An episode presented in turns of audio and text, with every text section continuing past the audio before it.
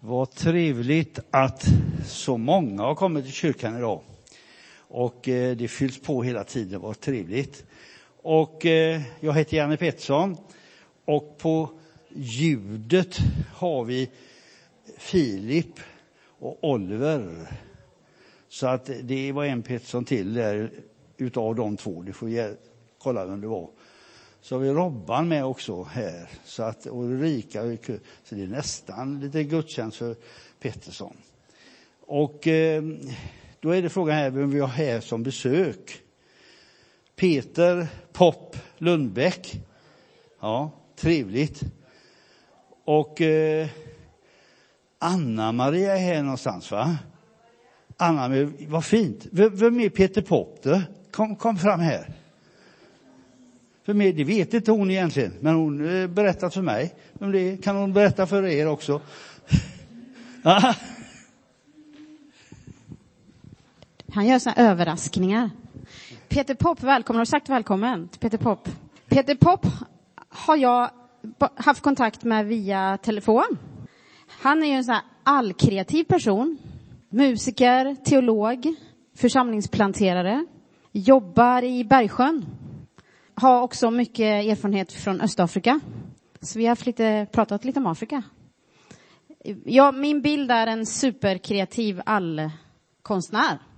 Kan man säga så? Du är jättevälkommen hit. Det viktigaste glömde du. Han sköter de hemlösas kör i Linnéahuset. Så är det fantastiskt. Ja, jag tror att vi tar och lägger den här gudstjänsten i Guds hand.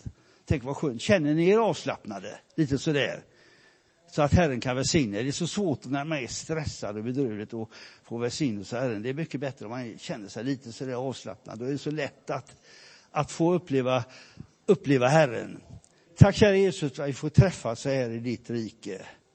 Tack kära Jesus för att vi får samlas till din gudstjänst. Tack för att vi får lyssna på Peter här idag. Och tack kära Jesus för sång och för spel. Och tack kära Jesus för barnen som ska ha söndagsskolan också. Tack för att välsigna oss var och en. i Jesu namn. Amen. Gott att se er. Underbart. Vilken sång Peter. Man blir ju liksom, det är nästan som man längtar till himlen nästan sådär, men det får man inte säga än. Men jag tänkte jag skulle berätta lite saker för er. Som ni vet så jobbar jag ju numera 50 procent på Betelskeppet. Och det är en förmån att få arbeta där en, det finns mycket att berätta om det, men jag ska ta ett starkt vittnesbörd om det. Jag skulle egentligen haft med mig Magnus här idag. Han skulle fått vittna om vad som har hänt i hans liv. Den första frågan jag hade tänkt att ställa till Magnus var så här, vad betyder Jesus för dig? Jag var där när han kom inskriven i början på oktober. Så har vi en tavla på Betelskeppet så här, så står det frukost och så står det halv 9, kvällsandakt. Magnus var bra dålig när han kom in den dagen, så säger han så här halvsluddrigt. Det där skulle jag behöva. Det där skulle jag behöva. Sen låste han in sig i typ hytten, men det mynnar ut i att Magnus blir frälst och döpt på Linnéahuset. Och jag hoppas att Magnus eh, kommer att stå med mig här så jag får ställa de frågorna till honom och se hans förvandling. Och, och sen har vi, när jag jobbar med en annan kille som heter Jim, så brukar det vara lite kvällsandakter där. Vi, vi samlar några stycken, frivillig basis, och så kommer ja, några stycken här. Så får, får vi be, och så har vi en bön, och så sitter de där gubbarna. Jag bytt sedan namnet på han, men eh, så säger jag så här, tänk om någon kunde sjunga en sång. Det är inte min just Petrus gåva så är att sjunga. Jag har inte fått den gåvan. Men så sitter en kille där och säger, tänk om vi hade någon som kunde sjunga. Och så, och så hör jag ingen dålig röst, utan världens finaste röst sjunger han. Du vet väl om att du är värdefull. Och då kände jag att har jag kom, det är få förunnat att få uppleva de här sargade människorna. Var hade han hört den sången? Någonstans när han gick i söndagsskolan, vad vet jag? Och det jag vill komma fram till här nu, det är att jag och ni och vi alla behöver kanske ett nytt möte med Herren själv. Och jag hoppas att den här gudstjänsten för någon av oss kan vara en början på något nytt. En liten strå av extra kärlek där du känner att du behöver kanske en uppgörelse med människor. Du känner kanske att du behöver förlåtelse för någonting. Så finns det en som kan det. Och det är Jesus själv. Amen! Så ja. Så lite pingstigt så vi känner att liksom, det är förmiddag, vi har hört fantastisk sång. Och vi har kommit hit, tänker jag, med att inte bara sitta av ett förmiddagsgudstjänst utan känna att Gud kan göra någonting i oss. Lite grann. Så att vi kanske någon känner att om jag får ge någon människa något nytt. Jag önskar att ni alla ska få det mötet med en människa där ni får berätta vad Jesus betyder för er. Det är en utmaning. Relationen att berätta för någon. Jag har, inte, jag har inte svaret på varför det ser ut som det gör i Sverige och världen. Men Jesus älskar dig. Jag stannar där. Sitt med ett öppet hjärta. Tack. Har ni det bra eller? Det är glädje i Guds hus. Det är glädje när vi kommer samman. Eh, och så underbart fin kyrka ni har renoverat. Den så fräsch. Man kommer in här, vilket underbart första intryck. Och vad fint med er invigning också. Och det här med estrad är ju särskilt bra med tanke på de människor som kanske inte kan stå på egna ben och kan de synas.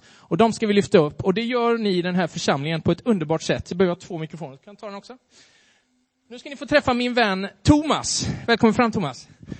Och det knyter vidare till Betelskeppet för att vi träffades på Linnéahuset som Betelskeppet är huvudman till. Vi har känt varandra i kanske fyra veckor. Tre, fyra veckor. Ja. Säg ditt efternamn också så jag uttalar rätt. Eh, Sirmai heter jag. Sirmai. Ja. Och idag ska jag predika om min sanning eller Guds sanning. Och du är ju ganska ny i tron. Mycket ny. Levde du i Guds sanning för kanske två, tre år sedan? Eh, nej. nej, eh, Jesus var inte i mitt hjärta. Eh, jag hade mycket mörker i mig eh, och levt ett liv eh, där jag har kämpat mycket. Jag började mina eh, tonår med att eh, ja, man vill ju ha trygghet i sin familj och mamma och pappa ska stå en nära. Eh, jag hade liksom inte en riktigt bra bild om hur mina föräldrar skulle vara där. De separerade väldigt, när jag var väldigt ung och eh, någon pappa hade jag väl egentligen inte i mitt liv. Tonåren kom, började lite med att göra revolt som alla tonåringar gör och inte lyssna på sin mor. Ehm, och eh, kämpade lite med droger, kompisar som strök med. Ehm, jag kände väl inte att det var riktigt min grej. Någonting var det som drog mig åt andra hållet. Ehm, jag visste inte vad det var, men jag flyttade därifrån, ifrån Värmland och eh, hamnade i Göteborg. Ehm, sen så eh, försökte jag väl försöka hitta svaret på livet. Och det var väl det svåra. Att eh, jag kände någonting inom mig ett, eh, ett hål som jag inte kunde fylla med någonting. Det fanns ett rum, ett extra rum. Jag kunde inte fylla det i mitt hjärta. Oh.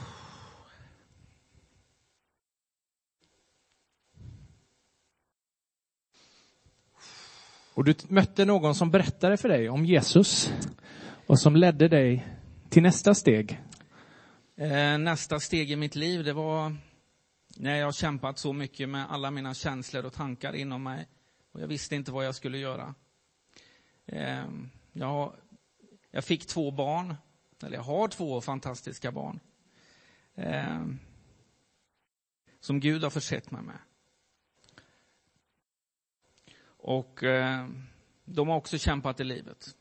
Vi ska försöka vara så perfekta som möjligt. Men vad är perfekt egentligen? Eh, mina barn har funktionsnedsättningar, de kämpar med sitt liv och de tittar in i sin skolklass och tänker, men jag vill vara som alla andra. Det finns ingenting som är perfekt. Och det enda jag önskar för mina barn, är att de ska få leva. Och eh, jag har kämpat så mycket för att vara en bra far. Och lagt mycket skuld i mitt hjärta. Men eh, Jesus kom. Och han tog allt på korset. För att jag ska få andas med hjärtat igen. Det är så mycket känslor. Tack Jesus.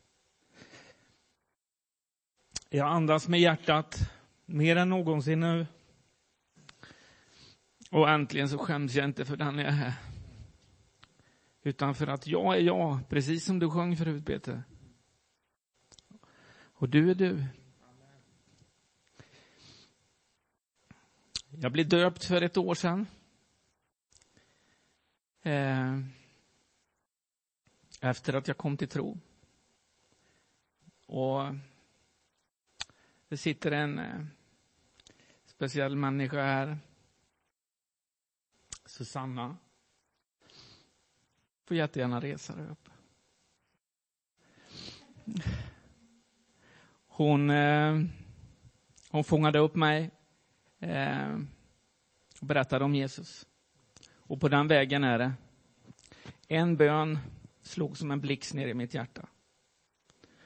Och eh, nu vet jag liksom att om jag vill ha svar på saker och ting i mitt liv när jag kämpar eh, så ligger livet i Bibeln. Jesus ord. Det säger allt. Och det tränger in i, i mig och i andra människor. Jag tycker det är så härligt att se det. Så tack. Och när jag mötte Thomas så bara det lyste om honom. Det bara lyste Jesus i hans ögon. Så mycket kärlek. Han vill omfamna alla. Och när han var med mig i Bergsjön, de här syrianska gamla damerna, han bara pussade på dem. Du är min extra mamma. Och jag såg hur helig ande jobbar i hans hjärta. Så tack gode Gud för Thomas. Tack för att han har mött sanningen i dig Jesus.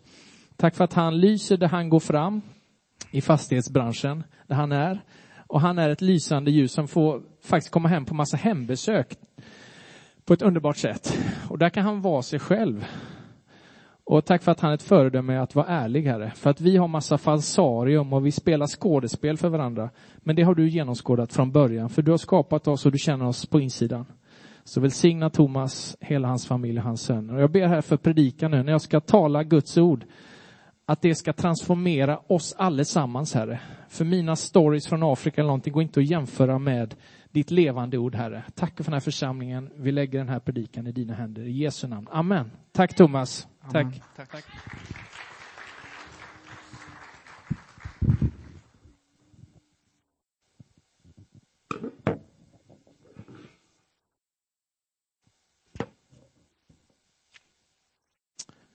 Jag kommer idag tala om begreppet sanning.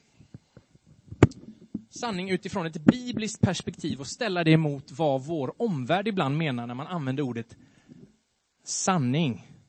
Ni ser mina... När jag gör så med fingrarna. Inte minst möter våra ungdomar idag hela tiden motstridiga röster gällande vad som är sant och en så kallad sanning. Så vi kommer också tala om hur vi kan skydda oss och utrusta oss i kampen om sanningen som i grunden är en andlig strid. En strid om människan som började redan i Edens lustgård när Satan i form av ormen ifrågasatte och förvrängde sanningen från Gud. Ormen som sa, hmm, har verkligen Gud sagt så? Eller, eh, ni kommer visst inte dö om ni äter av livets träd. Jag vill börja i Bibeln Guds ord. För mina reflektioner och tankar kan aldrig mäta sig med Guds levande ord som är andlig mat för oss. Alltså det händer saker i våra hjärtan och i vår ande, men också i hela andevärlden. När vi läser Guds ord proklamerar det rakt ut. För Bibeln är en levande text och ett tveeggat svärd jämfört med texter som enbart är mänskliga. Vi ska läsa i Johannes evangeliet 14. Jag läser Svenska folkbibeln. Och kontexten, alltså sammanhanget där, är att Jesus tidigare har tvättat lärjungarnas fötter och nu ligger de ner till bords, för det var så man gjorde när man hade fest, man låg ner. Och Jesus undervisar dem med dessa ord. Låt inte era hjärtan oroas, tro på Gud och tro på mig. I min fars hus finns många rum. Om det inte vore så skulle jag då ha sagt er att jag går bort för att för bereda plats för er. Och om jag nu går bort och bereder plats för er så ska jag komma tillbaka och hämta er till mig för att ni ska vara där jag är. Och vart jag går, det vet ni, den vägen känner ni. Thomas sa, Herre, vi vet inte vart du går, hur kan vi då känna vägen? Och Jesus sa till honom, jag är vägen, sanningen och livet. Ingen kommer till Fadern utom genom mig. Har ni lärt känna mig ska ni också lära känna min far. Nu känner ni honom och har sett honom. Filippus sa, Herre visa oss Fadern så räcker det för oss. Jesus svarade, så länge jag har varit hos er och du har inte lärt känna mig, Filippus. Den som har sett mig har sett Fadern. Hur kan du säga, visa oss Fadern? Tror du inte jag är i Fadern och Fadern är i mig? Orden jag talar till er säger jag inte av mig själv. Fadern bor i mig och gärningarna är hans verk. Tro mig, jag är i Fadern och Fadern är i mig. Och kan ni inte det, tro då för gärningarnas skull. Jag säger er sanningen. Den som tror på mig ska göra de gärningar som jag gör. Och större än så ska han göra, för jag går till Fadern. Och vad ni än ber om i mitt namn ska jag göra, för att Fadern ska bli förhärligad i Sonen. Om ni ber om något i mitt namn ska jag göra det. Om ni älskar mig håller ni fast vid mina bud och jag ska be Fadern och han ska ge er en annan hjälpare som ska vara hos er för alltid. Sanningens ande. Världen kan inte ta emot honom, för världen ser honom inte och känner honom inte. Ni känner honom, för han förblir hos er och ska vara i er. Jag ska inte lämna er faderlösa, jag ska komma till er. Ännu en kort tid och världen ser mig inte längre. Men ni ska se mig, för jag lever och ni ska leva. Vad ser vi då här i texten? Jo, en radda ganska häpnadsväckande påståenden om Jesus som han menar är sanna. Till exempel, Jesus säger att, att Jesus vet att det finns många rum i Gud Faderns hus i himmelen. Att Jesus kan gå över till den himmelska sidan för att sedan komma tillbaka. Jesus säger att, att den som har sett Jesus har sett Fadern och att Jesus är i Fadern och Fadern är i Jesus. Alltså att Jesus här gör anspråk på att vara Gud själv. Han säger också att den som tror på Jesus ska utföra de gärningar som Jesus gjorde. Han som uppväckte döda gick, gick på vattnet och mättade 5000 människor genom ett mirakel med brödundret. Och så säger Jesus att om vi ber om något i Jesu namn så ska han utföra det som vi önskar. Men Jesus säger inte enbart här att han är Gud, utan att han också är vägen och han är livet. Både som upphovsman, som skapare och själva livets essens. Och så säger Jesus också att han är sanningen. Jag är vägen, sanningen och livet. Ingen kommer till Fadern utom genom mig.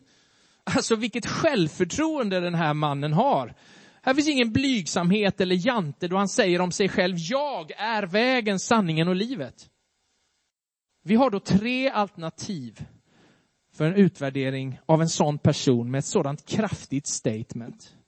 Antingen nummer ett, att Jesus i texten är en galning, psykiskt sjuk, som tror detta om sig själv. Eller två, att Jesus medvetet ljuger och vilseför människor för egen vinnings skull och att Vi lurar allihopa, allihop och vi sitter här helt i onödan, här i Mölndals pingstkyrka 2023. Eller nummer tre, att Jesus faktiskt talar sanning och verkligen var och är den han säger sig vara.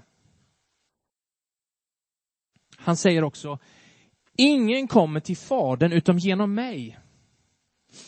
Och det finns en parallell text till det påståendet i Apostlagärningarna 4 och 12 där Lukas citerar Petrus som säger om Jesus att hos ingen annan finns frälsningen och under himlen finns inget annat namn som människor fått genom vilket vi blir frälsta. Frälst betyder räddad.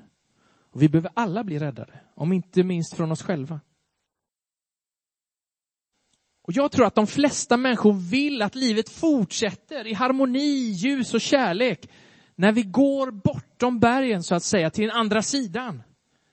Det som är det kristna hoppet. Att vi ska få möta Gud ansikte mot ansikte. Men ingen kan enligt Johannes evangeliets text komma dit utan att passera Jesus, han som är sanningen. Detta gör att sanningen är något avgörande på liv och död. Att hålla oss till sanningen, att inte ljuga, det är så viktigt så Gud skrev in det i sten i de tio budorden. För vet ni vad, det står i Ordspråksboken 6 och 16 att det finns sju saker som Gud inte bara hatar utan avskyr. Och två av dem är en falsk tunga och ett falskt vittne som främjar lögn. Så vi måste alla aktivt avslöja lögnen och försöka att söka efter vad som är sanningen. För gör inte du och jag det, så kommer vi bli påtryckta, färdigpaketerade, subjektiva sanningar som absolut inte behöver vara sanna.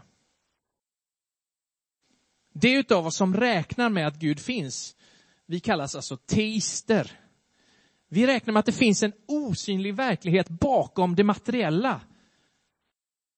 Där finns också osynliga lagar som vi dagligen kallt räknar med för att världen ska fungera. Lagar som finns där oavsett vad jag tycker, vad jag känner eller gillar och som är konstanta långt efter att jag är död. Lagar som till exempel gravitationslagen som gör att vi inte bara glider ut i rymden. Logikens lagar som gör att vi kan resonera matematikens lagar, andra fysiska, kemiska och biologiska naturlagar som överhuvudtaget gör det möjligt för mänskligt liv. Men överallt det så finns det också en Guds lag och en Guds tanke för denna värld som också är immateriell, alltså bortom det vi fysiskt kan ta på, som likväl är verklig och sann. Och det är utifrån den lagen, det ordet, som vi får en standard för att veta, för att kunna veta vad som är gott eller ont, mörker eller ljus, sanning eller lögn. Och en stor del av denna kunskap har Gud uppenbarat för oss i sitt ord, Bibeln. Så här står det om Guds ord i Saltarsalmen 119, vers 159. Se hur jag älskar dina befallningar, Herre. Ge mig liv efter din nåd. Summan av ditt ord är sanning. Och Johannes 17 och 17 säger Jesus så här om Gud Faderns ord. Helga dem i sanningen. Ditt ord är sanning. För hela Bibeln är Guds ord utandad genom den helige ande till oss, som det står i andra Timoteusbrevet 3 och 16. Och det står om Gud att han i sin person inte kan ljuga, för han är sanning. På samma sätt som Jesus är Gud. Han var full av nåd och vad då? Sanning. Det är därför när vi närmar oss Gud och vill kommunicera med vår himmelske far, så måste vi göra det i anden, i våra hjärtan, eftersom Gud är ande. Och vi måste göra det i sanning, eftersom Gud är sanning och han genomskådar oss om vi ljuger för honom. Och sanning är också ett av Guds karaktärsdrag i hans väsen och därför något oerhört centralt. Jag brukar själv säga att jag, om man hårdrar det, egentligen mest av allt egentligen är intresserad bara av sanningen, äktheten. till exempel i jazzmusik. Jag vill höra ett äkta uttryck. Jag vill inte att de ska fejka. Så jag föredrar till exempel oftast dokumentärfilmer för, med verkliga händelser före fantasy eller olika påhittade dramer. Och jag själv, jag är inte rädd för att söka och följa sanningen vart den än leder mig faktiskt. Och gör det du med. För än så länge har det sökandet och den efterforskningen bara fört mig närmare Jesus på samma sätt som Thomas berättelse här. Och jag personligen, jag blev stärkt i min tro när jag fick fördjupa mig akademiskt i Bibeln för att ta en magisterexamen i bibelvetenskap på sekulära Göteborgs universitet, som inte väjer för några forskningsrön eller fynd och som hårdgranskar bibeltexterna. Jag hittar heller inga motsägelser i Bibeln som inte går att förklara kontextuellt, alltså utifrån sammanhanget och kulturen, eller språkligt utifrån den grekiska eller hebreiska grundtexten. För forskningen visar att Bibeln inte är ändrad i dess grundbudskap som faktiskt många muslimer jag möter får lära sig att säga i dialog med kristna när den inte harmonierar med Koranen. Och att den bibel vi har skulle vara en översättning på en översättning på en översättning som helt har förvanskat grundtexterna. Nej, det stämmer inte. De som säger så visar bara att de inte vet hur noga dagens bibelöversättare jobbar utifrån grekiskan, arameiskan och hebreiskan och att de inte tagit del av de senaste fantastiska fynden inom arkeologi och historisk textkritik när man jämför gamla pergament. Eller, eller, eller ens känner till Döda havsrullarna 1947 som på ett fantastiskt sätt visar att Gud har bevarat sitt ord över årtusendena. För Bibeln, som är världens mest lästa, beforskade och kritiserade bok, den håller. Den är sann med en levande text som gör att miljontals människor också idag får sina liv förvandlade av den Jesus som de möter på ett levande sätt i texterna. Alla församlingar i Sverige idag står inför utmaningen hur vi ska fånga, nå ut och tända nästa generation för Jesus och för, för Kristi kropp, församlingen, som är Guds verktyg i denna brustna värld. Och jag vet att ni här i Mölndals pingstkyrka, ni brinner för den här frågan. Paulus säger att han är som en grek för grekerna och jude för judarna för att kunna kommunicera så de förstår. Och så måste vi också tänka som utåtriktade evangeliserande församlingar. Så att vi kommunicerar på rätt sätt, så vi inte talar förbi eller över huvudena på människor. Att vi visar att vi åtminstone försöker förstå det sammanhang och den kultur som den vi talar med lever i eller kommer ifrån. Inte minst gäller detta ungdomarnas värld som dessutom kan bestå av många smala subkulturer. Och då de flesta ungdomar lever stora delar av sina liv på sociala medier så behöver vi som vuxna och som kyrka finnas även där. Särskilt som tonårsföräldrar. Och om det är möjligt, tala med våra tonåringar om vad de tittar på, om vad de har fångat upp, vad de har hört. För våra ungdomar suger åt sig nya budskap från influencers som svampar. Och ibland kan de inte själva genomskåda vad som är fake news. Knappt kan vi det. Och de hör lögner eller budskap som går emot Guds ord. Internet är på ett sätt demokratiskt. Att vem som helst kan få en röst, bortsett då i kanske totalitära stater. Men även om vi ska värna om att man ska få göra sin röst hörd så är ju inte alla budskap varken sanna, relevanta eller ibland till och med kan de vara destruktiva. Och vi lever i en tid där till och med vårt eget SVT, som ska vara oberoende och journalistiskt objektivt, de har ett program som heter Min sanning. Som om sanningen var subjektiv och utbytbar utifrån vad jag personligen upplever och känner för. Nej. Om till exempel tre ögonvittnen upplevde en bilolycka eller såg den, så kommer de antagligen beskriva den på tre helt olika sätt. Men det finns bara en sanning om vad som egentligen skedde i den olyckan. Om inte annat, kolla på en övervakningskamera om det fanns en sådan på olycksplatsen. Och Gud är våran övervakningskamera som ser allt, som sett allt, men också vet vad som kommer att ske. För han är allsmäktig. Och han är därför ett oslagbart bollplank för oss. Man kan säga Gud ser dig.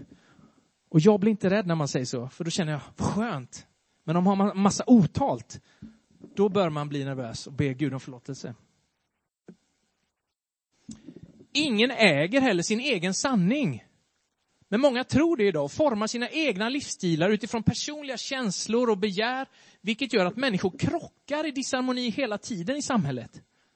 Så blir det i vår värld när man ska förverkliga sitt ego, det som Bibeln kallar för köttet, för att först förstå Gud, vad han vill med våra liv och be om hans vägledning. Vi läste ju i Johannes, om ni älskar mig håller ni fast vid mina bud. Och jag ska be Fadern och han ska ge er en annan hjälpare som ska vara hos er för alltid. Sanningens ande. Och Guds bud som är goda finns i Bibeln och är vår främsta guide och där vi alltid ska börja före att låta vårt känsloliv vara vår guide, som kan vara en riktigt dåligt rättesnöre om man emotionellt dras åt höger och vänster och olika håll. Och Jesus vill ge oss sanningens ande. Hjälparen som kommer hjälpa oss att välja rätt. För det klarar vi inte av oss själva, då vi alla är syndare och bristfälliga. Men det vet Gud och därför vill han hjälpa oss och ge oss den helige ande som manar oss i hjärtana.